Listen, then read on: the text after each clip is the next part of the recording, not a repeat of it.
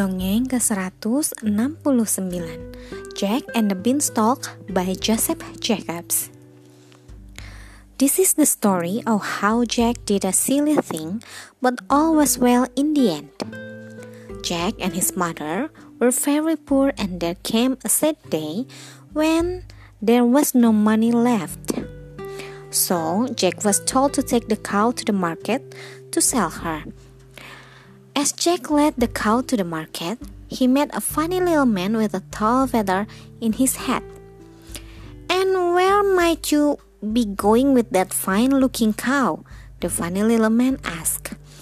Jack explained, and the little man swept off his hat and shook out five colored beans.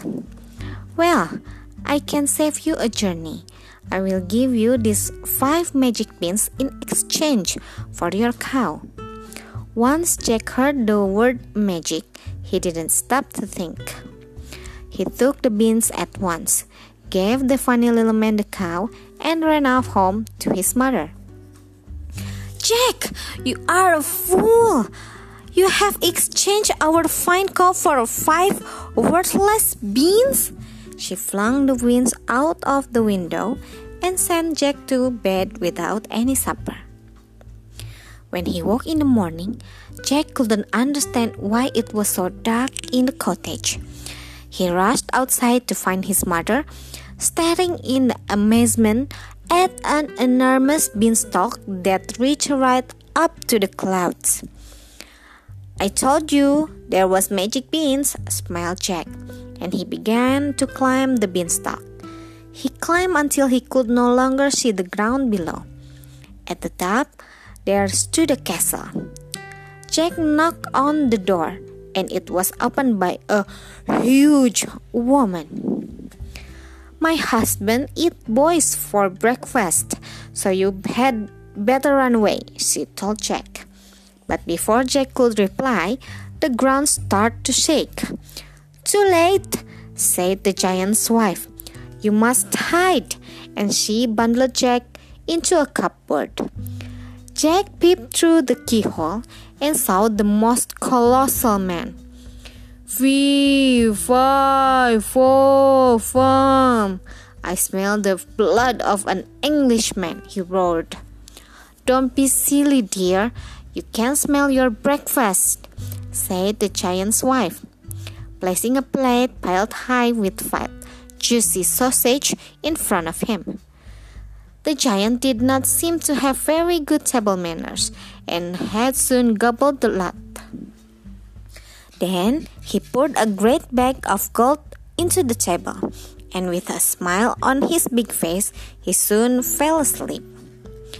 Jack darted out of the cupboard, grabbed the bag of money, ran out of the kitchen, and slithered down the beanstalk. Jack mothers brought two cows and they were very content. But after a while, Jack decided he could like to climb the beanstalk again. The giant's wife was not pleased to see him. My husband lost a bag of gold when you was, were here, she muttered. But the ground began to shake, so Jack hid in the cupboard. Fee, fi, fo, fum. I smell the blood of an Englishman. Don't be silly, dear. You can smell your breakfast, said the giant's wife, placing a plate piled high with 38 chickens in front of him. The giant had soon gobbled the lot. Then he lifted a golden hen into the table. With a smile on his big face, he fell asleep, snoring loudly. Jack darted out of the cupboard grabbed the golden hen, ran out of the kitchen, and slithered down the beanstalk.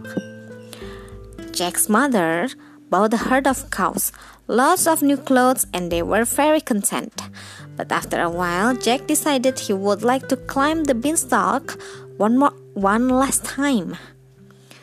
The giant's wife was not pleased to see him. My husband lost a golden hen when you were here, she grumbled. But then the ground began to tremble. This time, Jack hid under the table. The giant stormed into the kitchen. Fee, fi, fo, fum. I smell the blood of an Englishman. I would look in the cupboard, said the giant's wife, but it was empty. They were both puzzled. Eat your breakfast. I have cooked you 92 fried eggs, said the giant's wife, placing a plate in front of him. The giant had soon gobbled a lot. Then he lifted a golden harp into the table and was soon fast asleep, snoring loudly.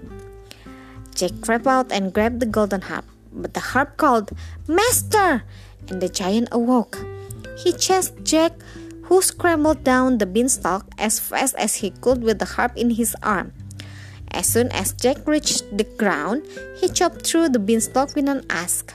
Down tumbled the beanstalk and the giant. That was the end of them both, and Jack and his mother lived happily for the rest of their days. Sekian, terima kasih telah mendengarkan. Selamat malam.